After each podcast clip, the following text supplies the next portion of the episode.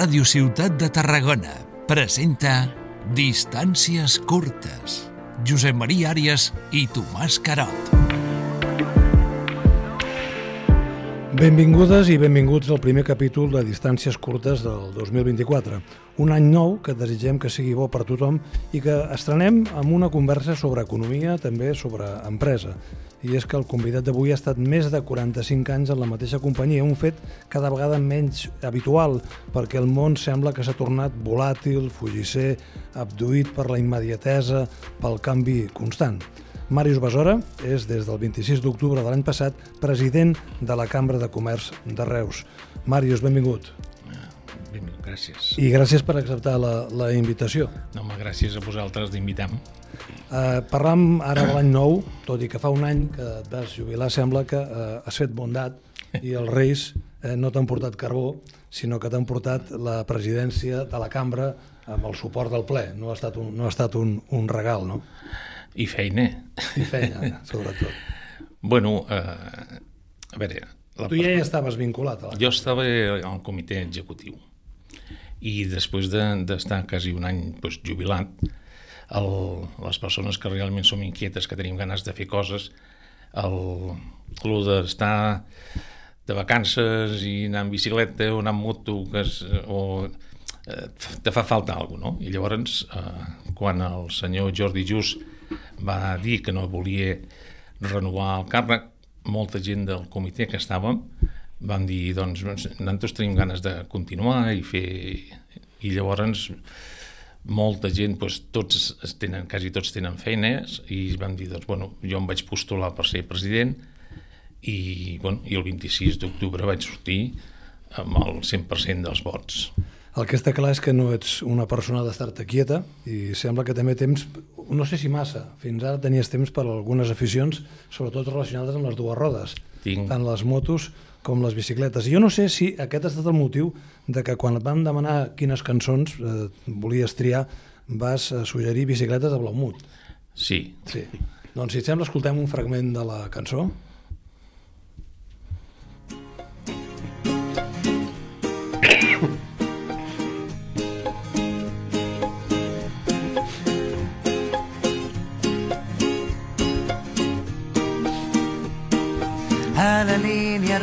Bicicleta sense llum, un satèl·lit que comença on perdo el cap. Un camí fet d'herba, els teus llavis són de vidre. He de confessar que jo també comparteixo l'afició la, per les bicicletes, fa molt de temps per les motos, però l'exemple de les bicicletes m'agrada molt perquè hi ha qui es pensa que les bicicletes van soles i les bicicletes no s'aguanten si no es pedala.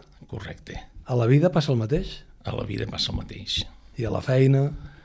És, és, és tot un seguit. Vull dir, la gent eh, té que esforçar-se per, per tirar endavant i si no pedales, com dius tu amb l'exemple aquest, pues, és, no arribes enlloc.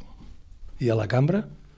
Perquè, clar, ser president a vegades un té la sensació de que és una bicicleta eh, amb un sol seient, quan les bicicletes de les institucions haurien de ser un tàndem, probablement, amb molts seients en les que tothom hi contribueix, no?, amb la seva aportació. Bueno, jo crec que, que sóc així, eh? O sigui, la meva manera de pensar... Eh, t'us dic que he estat 45 anys treballant en una multinacional alemana d'automoció i la idea és treballar en equip. Llavors, jo no concebeixo la Càmera de Comerç com el president Mario Besora i no existeix ningú més. Jo treballava en un equip, tenim un comitè executiu, tenim uns tècnics fantàstics dintre de la Càmera de Comerç i hem d'anar tots plegats per tirar endavant. Uh, Màrius, uh, a Tarragona també hi ha una presidenta que està jubilada i a més ha repetit el mandat. Uh, això pot arribar a ser una moda perquè d'alguna manera l'experiència que diuen és la mare de la ciència, eh, i la innovació i la joventut en aquest cas es, es compatibilitzen. Com veus aquest factor? L'edat no és un problema, evidentment. No, a veure, jo, eh, vista ja l'experiència, ja també ja la tenia una mica d'abans, eh, si no estàs jubilat davant d'un, del... Bueno, pots fer de totes maneres, eh? però jo tinc l'agenda més plena ara que quan treballava. Eh? Jo arribo cada dia a les 8 i quart, 8 i mitja màxim a la Càmera de Comerç i estic callat tot el matí i a les tardes tinc actes, avui estic aquí, però demà, si ara s'ensenyés l'agenda, cada dia tinc tres o quatre coses. Vull dir que si realment te vols dedicar a la Càmera de Comerç i vols treballar per, per les empreses, que és el que realment fem les càmeres de comerç, necessites dedicar-hi moltes hores si estàs treballant i t'has de dedicar a la teva empresa, és difícil compaginar les dues coses. Sé que hi ha presidents que, que, que treballen, però realment també n'hi ha molts presidents que estan jubilats i, i, i que jo diria que l'edat també entres en una experiència de, de molts anys, de, de, en el meu cas de, de la indústria, i és una forma de, de repercutir el que has après durant aquests anys per, per ensenyar-ho a les noves generacions. No? I també hi ha una altra lectura, que potser, diguem-ne, si això que diu el Tomàs, jo no sé si és una moda, però pot ser una bona estratègia perquè no es perdi el talent. És a dir, estem en una societat en què fins fa poc la gent a partir de certa edat semblava que havia quedat periclitada, havia quedat fora de catàleg, se n'anava cap a casa, i ja no les empreses, les empreses, les entitats culturals, les institucions, semblava que eh, havien de posar només saba nova i potser aquest equilibri entre l'experiència acumulada en el món de l'empresa i la gent eh. jove que aquí pot haver el ple i l'equip tècnic potser és una bona combinació. No? És important. A veure, a les empreses quin és el problema? De que volen finiticar, com has dit tu, el, a la gent gran. El, el problema és que la gent gran pues, cobra eh, uns sous més alts. Llavors, les empreses de cada vegada volen ajustar salaris, volen ajustar coses, i per això pues, ju, jubilen molta gent, molts bancs, moltes empreses multinacionals el, fan prejubilacions als 55 anys, jo, no perquè aquella persona no sigui vàlida, perquè una persona, avui per avui, potser 50 anys enrere una persona de 60 anys o 65 anys ja era molt gran, però avui jo no em considero tinc 65 anys però amb ganes de fer coses potser tant o més que una persona de 30 no? En el programa es parla d'infraestructures perdó de so... no, eh, sí, eh, eh, sí. Tranquil. Ara, no, no, ara anava... anava no, justament eh, volíem saber alguna cosa sobre el teu projecte a la presidència de la cambra. Alguns altres mitjans de comunicació s'han anat fent ressò de, de, dels objectius Eh, però abans de parlar d'infraestructures, que és una de les eh, batalles de tota la vida dels eh, anteriors presidents sí. i de la societat eh, reusenca i de la societat de l'àrea de l'àrea que abarca la Cambra de Comerç, perquè hem de recordar que són unes quantes comarques les que abarca. Però abans volíem, per, volíem saber com ha estat el procés de substituir un president carismàtic com en Jordi Just, que és una persona hiperactiva, omnipresent, Sé que t'ho han preguntat, no? Sí. Serà continuïtat o, o, o veurem l'empremta, el segell, potser és una pregunta una mica absurda, no? no. Del Màrius. Segur que veureu el segell del Màrius diferent del Jordi. El Jordi és una persona molt activa, molt, molt presidenciable, molt... i al Mario pues, li agrada fer-ho d'una altra manera. Li agrada no sortir tant a les fotos, no sortir tant als puestos, però continuar, treballar tant o més que, que el Jordi Just. Eh? Vull dir que serà una, jo diria que cada president té, té el seu tarannà i llavors el meu és diferent. Jo, fins as, eh, ara ja m'hi estic acostumant una mica més, però fins as ara jo no sortia mai en cap foto. L'empresa de Elring Klinger que has dit abans, a Reus té 500 treballadors i li preguntes a la meitat de gent de Reus i, no i, i no saben ni, ni que existeixi una empresa Elring. No és l'únic cas, eh? això també ens hauríem de fer mirar. Eh? A vegades... I llavors, eh, això vol dir que jo tinc un tarannà que, que no m'agrada sortir massa a les fotos ni, ser, ni estar al davant de, de, de, de no sé, de, d'entrevistes de, o això, no? Ara n'he d'aprendre sí, sí. perquè em toca. Bueno, però, i, i, però, i però... és una bona manera també de donar a conèixer a vegades això, l'existència d'empreses i la feina que fa la Cambra de Comerç, que probablement no tothom però vull dir que és la, la, la, la idea de, de continuïtat. continuïtat de la Cambra és perquè la majoria de la gent del comitè executiu continuem perquè la, les tasques que va engegar el Jordi Just, que era pues, treballar pel, pel territori, eh, quan el Jordi Just va entrar, t'us dic que, la càmera tenim cinc, cinc comarques, o sigui, la Càmera de Reus és el Baix Camp, la Conca de Barberà, el Priorat, la Ribera d'Ebre i la Terra Alta, eh, s'havia abandonat molt de, moltes aquestes, molt de temps durant aquestes comarques. No? Llavors el Jordi Just s'ha fet una feina molt important de tornar a portar la càmera en totes aquestes comarques i llavors nosaltres, com que aquest projecte ens agradava i a mi particularment també m'agrada, per això hem dit que, és, que, que continuem un projecte que, que va engegar el Jordi just fa 4 anys. És una perspectiva de futur i en el marc de llei de cambres, que en tot cas en parlarem perquè tampoc n'entenem gaire, però la vigència de les cambres eh, al segle XXI, l'any 2024, tenint en compte que aquí a la de Tarragona, Reus, Valls, mm, està plenament eh, justificada o en un futur es podria fer una cambra més potent del Camp de Tarragona sense perdre identitat? Mm, no, jo crec que, les tres càmeres tenen sentit de, de, de ser-hi, perquè si han estat durant tants anys, vull dir, tenen, tenen el sentit, i a més la nostra en concret, que tenim cinc comarques, en, encara més, no? perquè la, Valls en té una i Tarragona també en té una comarca.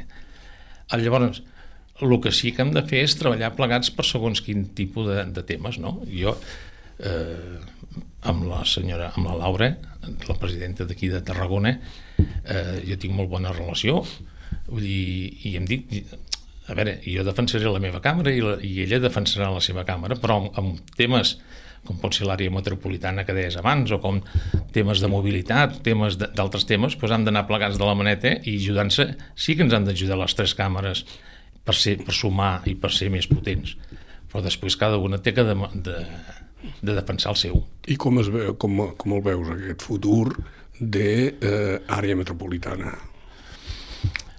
Jo crec que costarà, però ja hem d'arribar. O sigui, veure, després de l'àrea metropolitana de Barcelona, el pol més, més potent de Catalunya és, és aquesta àrea d'aquí. Llavors, hem de treballar plegats per fer una àrea metropolitana potent. Aquí ja han començat també la, el, l'alcaldessa de Reus, l'alcalde de Tarragona, diversos alcaldes del de Vilaseca, Valls, vull dir, ja, ja han posat la primera pedra per arrencar-ho, perquè durant molts anys hi havia moltes guerres de campanars i moltes històries que no... Però ara crec que tothom està per la, per la, per la labor i llavors nosaltres s'hi sumarem substituir potser aquesta dinàmica que fins ara existia de les capelletes per un treball més de col·laboració, d'estendre la mà, pot ser també la clau de tom per resoldre la llarga llista de reivindicacions en tema d'infraestructures, perquè al final les infraestructures en alguns casos sí, però la majoria són infraestructures de comunicació entre municipis, no només dins d'un municipi. Carreteres, sí. autopistes, ferrocarril... Si ara féssim aquesta entrevista 20 anys enrere, doncs parlarien de la, de la 420, parlarien de la C14, parlarien de l'estació intermodal, que la, i parlar, ja hi podem parlar, però és, costa, aquestes coses costen, i, i costen perquè eh, nosaltres podem pressionar i podem fer força, però depenen d'altres, eh, el que és, per exemple, l'intermodal o altres, depenen d'Espanya, eh, hi ha temes que sí que depenen de la Generalitat i aquí potser podem tindre una miqueta més de força, però és, és, has d'anar picant pedra. El que no pots fer és baixar, baixar la guàrdia, perquè si no, si tot... Al final les coses s'aconsegueixen. Per exemple, l'estació intermodal que serà eh, un, un, eh, un pol. Sí, un pol de, de, per, que, dona, que donarà força a l'aeroport, donarà força a les L'altre dia, bueno, abans de vacances, parlaven de que les, tota les, la gent que va treballar a Reus, Tarragona, Valls o Vilasec, això, el 95 o el 96% tothom va en cotxe. Vull dir, una és, cosa que és insostenible. Això, és, és, això no, hi ha qui ho, no hi ha qui ho aguanti, ni les butxaques sí, que, particulars, ni el medi ambient, tampoc. Sí. L'aeroport, l'aeroport a l'estiu treballa molt bé, perquè bueno, bueno, enguany doncs, han, han arribat a, a un milió 40.000 passatgers. L'any que ve hi ha, hi, ha, hi ha una previsió que, o per enguany que s'està parlant d'un milió 100, un milió 150, i ja està prou bé, però perquè hem de, de tancar-ho a, a finals de setembre o començaments d'octubre. Eh, llavors, aquí, l'estació, per exemple, intermodal, serà una cosa que donarà una prioritat a l'aeroport perquè poden ens portarà eh, Reus, Barcelona en mitja hora i molta gent podrà arribar, eh, doncs, si s'arriba a animar, podrà arribar al desembre i si va a Barcelona doncs podran arribar aquí agafant el tren i mitja hora seran, que és el que fem quan anem a París o anem a Londres o anem a unes grans ciutats. D'exemples no? d'intermodalitat eficaç, mm, per sort, ne trobem en altres llocs d'Europa, hem d'aprendre dels que ho han fet bé i que els ha donat resultats. Parlant una mica més de l'aeroport, fins ara semblava que l'aeroport només era un, un aeroport de passatgers. De tant en tant surt ja l'opció de potenciar les mercaderies. Creu que realment algun dia arribarem a veure una altra línia de negoci a l'aeroport de Reus, sobretot perquè hi ha una indústria eh, als polígons, tant el de Tarragona com els de Reus, com els de Baix, ja teixit empresarial. Jo, a mi em va, jo vaig estar a la, a la primera taula estratègica de l'aeroport, que es va fer a, a no sé, finals de novembre o primers de desembre, no me'n recordo, i em va sorprendre perquè tothom treballava o parlava molt doncs de, del turisme, de, de, de xàrters d'aquí, companyies, però eh, quan ja tothom acabava i deia, ostres, doncs ja acabem, jo vaig preguntar, escolti, i, i la indústria que no, no està, quin, quin tot aquest pla estratègic, i llavors jo em vaig comprometre amb, amb les quatre com, eh, càmeres de comerç de fer un pla estratègic cara a la indústria, de, de sondejar les indústries a veure si realment podríem aconseguir moure mercaderies des de l'aeroport de Reus. I això ho tirarem en marxa aquest 2024. Eh, parlant d'aquesta perspectiva de futur, en les primeres declaracions que vau fer, mm, anunciàveu el tema de la sostenibilitat, eh, els nous perfils professionals. La sostenibilitat com es concretaria des de la cambra? Perquè eh, d'alguna manera s'ha de treballar perquè els afiliats o les empreses siguin els que fagin aquests canvis. No? la digitalització, totes aquestes sí. coses, d'arribar a la petita empresa, el comerç més de detall. Suposo que deu ser complex, eh? però com, com, com us ho plantegeu com a repte? Bueno, la sostenibilitat, avui dir sostenibilitat és, és un tot, no? perquè abans, potser anys enrere parlaves de sostenibilitat i potser era doncs, el CO2, era...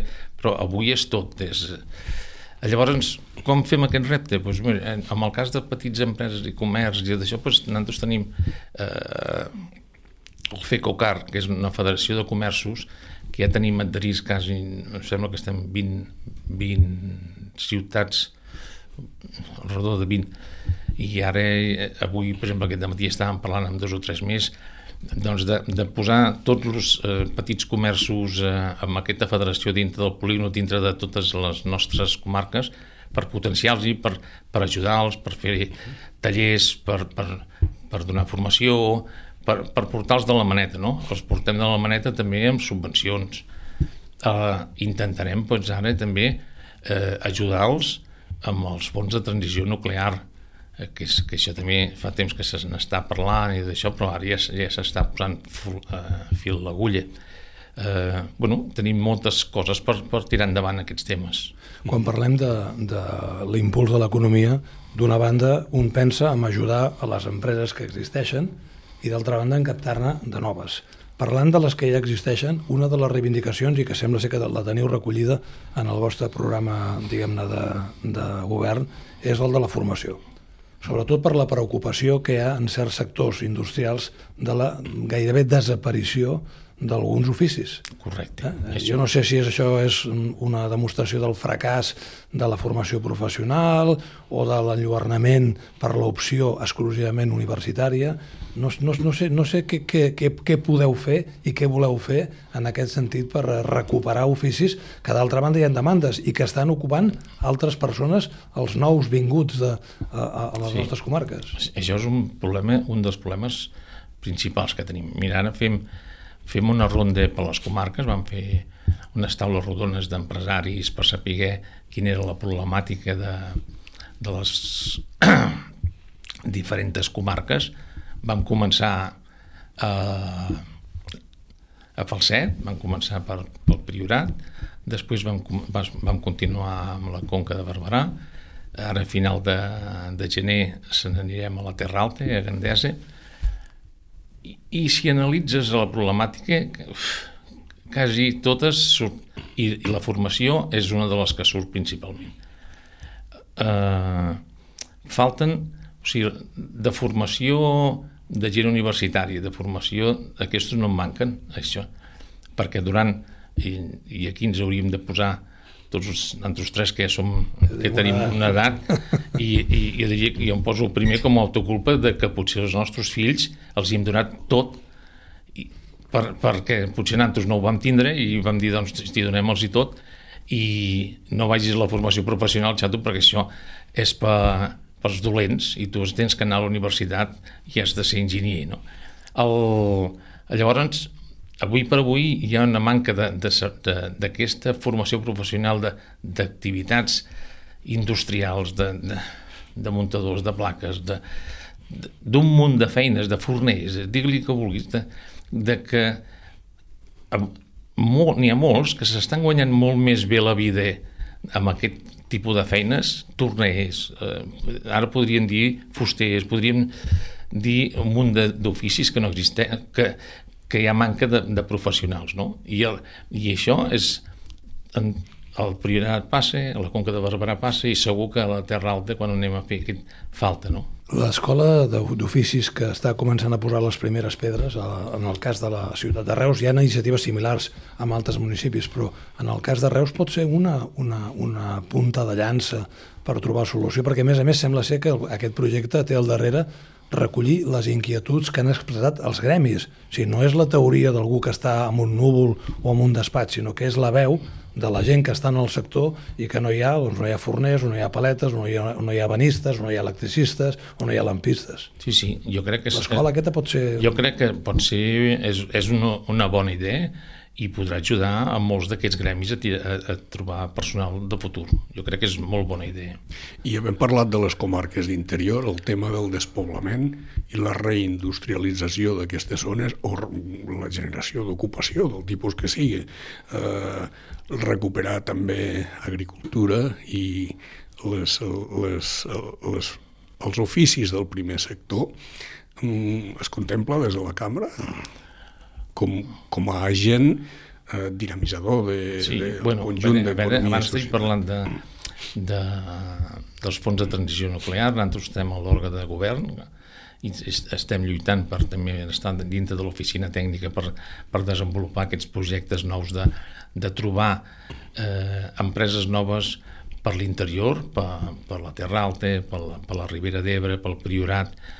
Eh, ells estan queixosos que moltes empreses pues, eh, quan algú es vol posar dintre les nostres comarques, intenten, pues, sempre se'n van cap al sud, no? se'n van a Vandellós, a Montroig, bueno, i, i té una, una explicació, hi ha, hi ha l'autopista, hi ha el, el, el tren, hi haurà hi ha el port a prop, hi ha l'aeroport, llavors, però hem de, de fomentar i hem de pressionar perquè aquestes empreses entrin cap, de, doncs cap a Gandesa i cap a Falset o cap a Flix i, i hem de i això d'aquests els fons aquests de transició nuclear ens ajudaran molt a tirar endavant aquest tipus de, de projectes. Lligat amb això que, que ara plantejava el Tomàs, hem de fer més atractius aquests espais de, de l'interior. Ara em ve al cap una iniciativa que està impulsant des de fa ja una, un parell d'anys o tres la, la Diputació de Tarragona, que és fer arribar la fibra òptica als municipis de l'interior.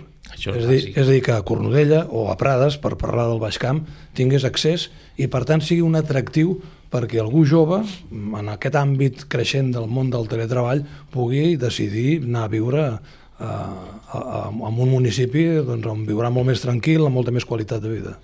Això és bàsic. Vull dir, avui per avui tots els pobles haurien de tindre fibra per desenvolupar. Però bueno, hi ha moltes feines que no són, per exemple, a Falset, hi ha l'escola d'analogia, que tots els estudiants que surten, tots tenen feina perquè durant molt de temps totes les bodegues de, del Priorat o, o de, no, to- els hi faltaven tècnics i ara pues estàs, al començament eh, m'explicaven que anys enrere pues, tenien tres o quatre alumnes i la gent no estava per la labor, i en canvi ara pues, tenen totes les places plenes i quan surten tots tenen feina, no? Vull dir que hem d'anar buscant tot aquest tipus d'iniciatives per, perquè la gent eh, se senti a gust, pugui tindre fibre, intentem pues, que si la Nacional 420 que, que arribi al Falset i, i a Gandesa i tot això el, puguin arribar pues, en mitja hora si no troben, perquè un altre problema d'aquestes comarques és l'habitatge. L'habitatge, el... hi ha molta, molts pobles que no hi poden anar joves a treballar perquè no tenen habitatge. Això és un problema també important. Llavors, si no tenen habitatge, i hauran d'anar en cotxe. I llavors el que sí que han de tindre és una infraestructura bona, o una infraestructura de tren que no pot ser que, que el tren des de More a Reus o de More a Barcelona estiguis igual de temps que fa 50 anys enrere, no? Llavors, això és, per això reivindiquem el de les infraestructures, perquè ho necessiten tot aquest tipus de ciutats de, de l'interior. El que passa que potser fa falta un pla perquè tothom vagi a una i es toquin totes les tecles. Això és com una sinfonia que si falla algun instrument ja grinyola. I justament fa no pas masses mesos l'alcaldessa de la Febró m'explicava, lamentant-ho, que ells han posat en marxa fa temps un banc de terres i que van tenir èxit, va haver gent jove que es va interessar pel banc de terra, bueno, que és tornar a recuperar part de la, de la pagesia. No? Però van preguntar, i trobarem una casa per viure? I no, no hi havia habitatge. És a dir, hi havia l'oportunitat perquè hi ha terres lliures, perquè els pagesos han fet grats i les han deixat i per ells seria una solució cedir-les amb, el, amb el tracte que sigui a gent més jove, però aquesta gent jove no trobava un sostre on, on, on, on fer la, la seva llar. No? És... Per això dic que potser cal que hi hagi una visió més global, independentment de que cada municipi té una guerra particular, jo no sé si la cambra i les cambres en general poden servir per unificar criteris i dir, cuidado, que necessitem habitatge, necessitem eh, formació, necessitem oci també, necessitem comunicacions. Pot ser un dels organismes importants en, en, en tot aquest tema, sí. I és, és un dels nostres eh, projectes tirant endavant tots aquest tipus de temes. Per això estem doncs, tombant per les comarques, per, per doncs, anar recollint totes les, quins són les, la problemàtica que tenen tots, que, que al final s'acaben amb, amb tres o quatre. Eh? No, sí, sí, sí. No, no, no, no, són tan diferents. No, no són tan diferents, no. No, abans parlava de que si haguéssim tingut aquesta conversa fa 20 anys hi ha coses que no haurien sortit si l'haguéssim tingut, eh, per exemple, en relació al priorat, parlar de turisme era algo mm, era un lloc de passada i ara hi ha hotels de cinc estrelles. No? És, és un fenomen que... No, mira, jo puc explicar una mica anècdotes perquè, com bé has dit, el meu hobby és anar a moto i, i, i en bicicleta molts anys, però a moto jo he sigut eh, president del motoclub de Reus durant 12 o 13 anys i he estat a la Federació Catalana de Motociclisme durant 10 anys i també he estat a la Federació Espanyola de Motociclisme siguent el tresorer durant 4 anys. Vull dir que el... llavors eh, no sé si se'n recordeu si sou aficionats de, de les motos a Reus se feia el Campionat d'Espanya d'Enduro. Vam ser... El cel sigui. El cel sigui. No, el cel, si pogués tornar no, sí, però no ha tornat. No ha tornat. I per què no ha tornat? Per les bueno, dificultats perquè, perquè, perquè som els dolents eh, de la pel·lícula, de la pel·lícula eh, els motoristes que anem per la muntanya i quan jo quan estàvem al, a la federació dins de la federació van fer fer un estudi a la universitat que, que ens diguessin quin era el mal que feien les motos al medi ambient no? i després d'estar quasi un, un doctor quasi un any treballant-hi ens va dir que l'erosió principal que fèiem nosaltres eh, de les motos era el ciroll. O sigui que al terreno poca cosa li fèiem. El... Però bueno, això és una anècdota. No, jo el volia dir, el del Priorat. Durant molts anys el, el, el Campionat d'Espanya d'Enduro passava pel Priorat i els alcaldes ja ens esperaven perquè, com bé deies, el Priorat eh, va durar uns anys que quasi que no quedava ningú, hi havia molt poca feina, la gent, els joves no s'hi quedaven, això. Llavors, passar la carrera d'enduro, que volia dir que durant dos o tres caps de setmana la gent anava allà a veure-ho aquí i allà, I donava vida. restaurants, donava vida, i llavors ara no volen sentir parlar ni d'una moto ni que els matin, eh? Bueno, potser hem passat d'un extrem a l'altre. Sí, no? ara hi ha hotels de 5 estrelles, com dius tu, que n'hi ha dos. I... Bueno, també, també és important, eh? El, el... A veure, aquí tenim un turisme de, de costa molt important, però tindre un, un turisme de l'interior també és molt important, no? I llavors, bueno, si aquí el Priorat i Montsant pues, tenim uns vins d'alta gamma, alta gamma, pues venen, necessitem pues, hotels de 5 estrelles perquè si, si fem amb tots els respectes, eh, un, un hostal o alguna així, la gent no vindrà a veure's un vi de 150 euros o de 200 euros se'ls veu, no? els que van a hotels de 5 vull dir que hi ha d'haver un equilibri entre hotels de, de 5 estrelles tampoc no n'hi haurem de posar masses perquè, si no, però hi ha d'haver un equilibri el que passa que el Priorat potser és un cas d'èxit fruit, de, per mi, de dues combinacions. D'una banda, la innovació amb el món de l'enologia, és a dir, s'ha treballat molt, s'ha invertit molt, està, ha estat una mica la, la, la resultant d'una una escola d'enologia, d'una facultat d'enologia, però també del màrqueting, de saber-se de saber vendre i d'especialitzar-se. És a dir, tothom associa Priorat amb el vi. Jo no sé si aquest és un camí a recomanar amb altres comarques, amb altres zones, d'intentar no tocar tots els pals, allò com un pollastre sense cap, sinó intentar ser molt bo això no vol dir que no puguis fer altres coses, però intentar ser molt bo i molt reconegut en un àmbit. Això és important, jo diria. Per exemple, a More, no sé si heu, heu sentit parlar de, del polígon del Molló, allà hi ha, hi ha un, un, una central de, de no estudi... ara no diré bé el nom i m'arruixaran no? però, no, no. però hi ha un, hi ha un, un un, un nucli? O... Un, no, un, hi ha una, una, una empresa que és de la Generalitat i de, de, especialitzada en xarxes 5G. I llavors venen eh, moltes empreses eh, a, a desenvolupar productes nous dintre allà, perquè són, són no sembla que, no sé si hi ha tres pols en tot Catalunya que, que tinguin tots els... Llavors, per exemple, allò pot ser un, una forma de, de desenvolupar eh, eh, aquelles terres d'amor, eh, això. Jo crec que potser tocar sol un tema com és el priorat, que és el vi, que quan s'ha pogut fer molt bé, eh, és difícil però tampoc no, no has d'anar a tocar molts temes, t'has de centrar en dos o tres temes, no? De, de... Una altra pota del desenvolupament, sens dubte, són les infraestructures de mobilitat. Les carreteres, eh, sobretot les interiors, han millorat moltíssim. És suficient?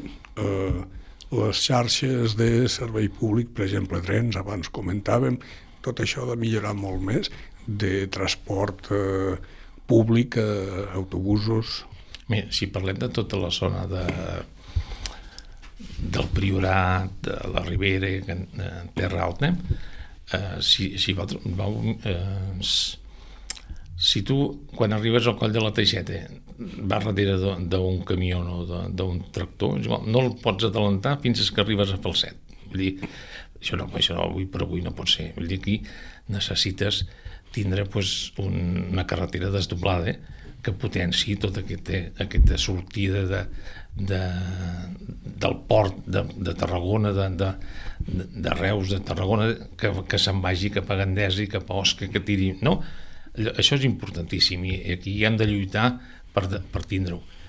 Amb els trens, igual, s'ha eh, d'invertir. Vull dir, la, la, la R15, que és la que, la que està, doncs, Eh, hi ha, hi ha zones que feien conya però que si corre més de 30 per hora des, descarrila el tren això és, és impossible no? Bueno, i també es parla molt de la comunicació entre municipis com Tarragona o Reus respecte a Barcelona que avui per avui intentar fer-ho eh, amb tren és una heroïcitat perquè no tens eh, no, no o, o tens l'opció de l'AVE però que per anar a l'estació de, del camp has de tardar 20 minuts en arribar a l'estació amb cotxe, deixar el cotxe i llavors sí que és veritat que vas en mitja hora a, a, a Barcelona. Hi ha molta feina a fer amb aquesta qüestió. Jo no sé si ara, eh, eh que s'han començat un nou mandat als ajuntaments, eh, hi ha l'oportunitat de, eh, bueno, d'unificar criteris, d'anar tots a una... No, els criteris aquests eh, els tenim tots molt clar. Eh? Si tu mires la, la Federació de Transports i llegeixes el que ells proposen, eh, diuen el mateix que, direm, que, di, que diem nosaltres. Si mires la Càmera de Tarragona és el mateix, si, la, i, si parles de l'Ajuntament de Reus, tots estem... És que tampoc massa secrets no n'hi ha, eh? vull dir que hi ha l'estació intermodal, doncs ha arreglar la 420, arreglar la, la C14, la que va cap a Montblanc, i de, perquè això té que ser una, una forma de, de buidar l'autopista AP7, tots tot els camions que van cap a la zona de, de Vic i cap al nord, eh, si tinguéssim una C14, que és la que va de, cap al Cuber, Montblanc, i, i anés cap a, cap a l'Eix, vull dir, això estigués desdoblada, eh? molts dels camions no caldria que s'anessin a anar buscant la carretera, l'autopista de Lleida, s'estalviarien 40 o 50 quilòmetres. El que passa que quan dius això, mm, hi ha gent que diu, bueno, si, si tots els agents del territori estan d'acord, què fa falta perquè les administracions competents, tant la Generalitat com l'Estat, facin cas i executin amb temps i forma, perquè hi ha obres que tarden anys i panys en desenvolupar-se i algunes ni això. No? Què cal? Fa falta tenir més pes falta pes i falta picar pedra i falta que tots ens posem d'acord i tots junts i, i, i forcem a veure, la, la B40 fa 30 anys la de Barcelona que, està, que, que l'havien de fer i, i, i ara se, l'any passat van aprovar els pressupostos que li posarien encara no l'han començat i ja veurem si la, si la veurem d'altres no? són infraestructures que són molt cares que, que necessiten molt de temps i llavors eh, hem de, de, el que no es podem és dormir i dir, bueno, com que costa molt i això no, no ho faran, doncs no diem res més. No, hem d'estar matxacant. Però mentrestant queden potser reductes, diguem-ne, de vestigis caciquils en el sentit de determinades concessions de transport, eh, que uns no poden anar a l'estació de l'AVE, els taxis, els... tot això són polítiques de campanaret que es contradiuen en un futur eh, de territori, de Camp de Tarragona, de àrea metropolitana. Però és que això, al moment de que rellancem l'àrea metropolitana, tot això ha sortint i ha desapareixent, vull dir, perquè caurà pel seu propi pes. Mm -hmm. Una altra qüestió, la internacionalització. Evidentment, en un món global, eh, les cambres han treballat molt i es nota que, eh, almenys a Catalunya i aquestes comarques la internacionalització mm, és, és potent. Quines línies de futur més hi han? Perquè normalment quan es parla d'això es té en compte els grans sectors, la indústria química i l'activitat la, la, eh, del Baix Camp, de nutrició i d'expertesa en aquests temes. No, i la vitivinícola ara de cada vegada. I la vitivinícola, exacte. Vull dir, s'està exportant bueno, dintre, cada un dintre dels seus àmbits ha d'estar... Eh, moltes empreses, si no es poguessin o no exportessin, ja estarien tancades. Llavors aquí, per exemple, la, una de les dels serveis que donem la, les càmeres és de, de, de potencials i, i apoyar-los per, per, perquè puguin fer els tràmits, vull dir, les xarxes de, de càmeres de comerç a tot el món n'hi ha mils de càmeres de comerç i llavors tenim xarxes que llavors molta documentació que a vegades és dificultosa per les empreses doncs des de les càmeres és fàcil no?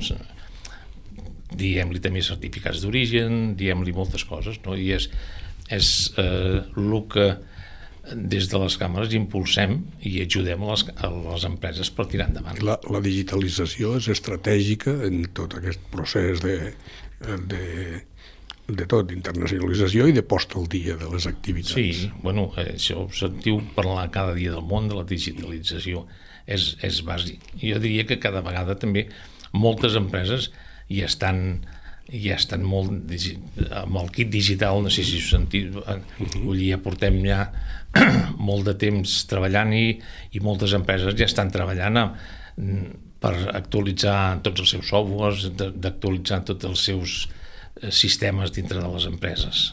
I ja, gairebé per, per acabar, jo no sé si tots n'hauríem d'aprendre de que tenim dos sectors econòmics molt importants però que tenen rodes o possiblement data de caducitat. En el cas de les nuclears estan condicionades a una moratòria però acabaran un dia o altre, no sabem si en faran d'altres, i en el cas de Bueno, la indústria... ara, com que són verdes... Ah, ja, bueno, ja en parlarem. ja, ja en I, parlarem. i d'altra banda, la, la indústria química, que, bueno, que la indústria química està subjecta a moviments eh, internacionals i que més d'una vegada, no ara recentment, però hem sentit veus crítiques pel cost de l'energia i que per tant han retret inversions, etc. Jo no sé si ens hem d'espavilar per diversificar molt més encara el teixit econòmic, per si de cas.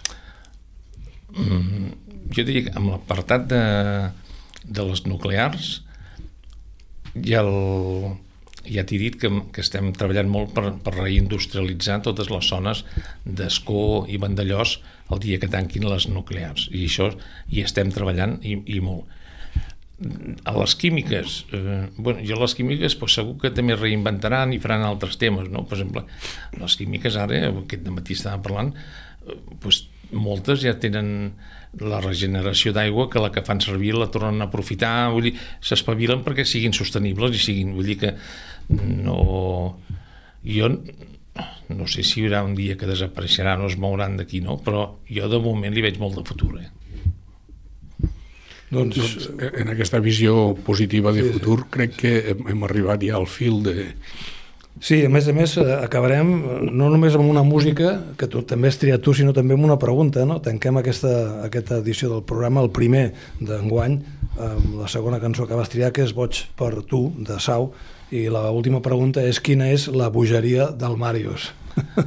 Bueno, la bogeria del Màrius eh, amb aquesta cançó és que a mi em recorda la meva família i la meva dona. No? Jo quan viatjava molt i quan estaves per ahí, per aquests mons de Déu perdut i això, pues, te posaves aquesta cançó i, i et transportava cap a casa. No?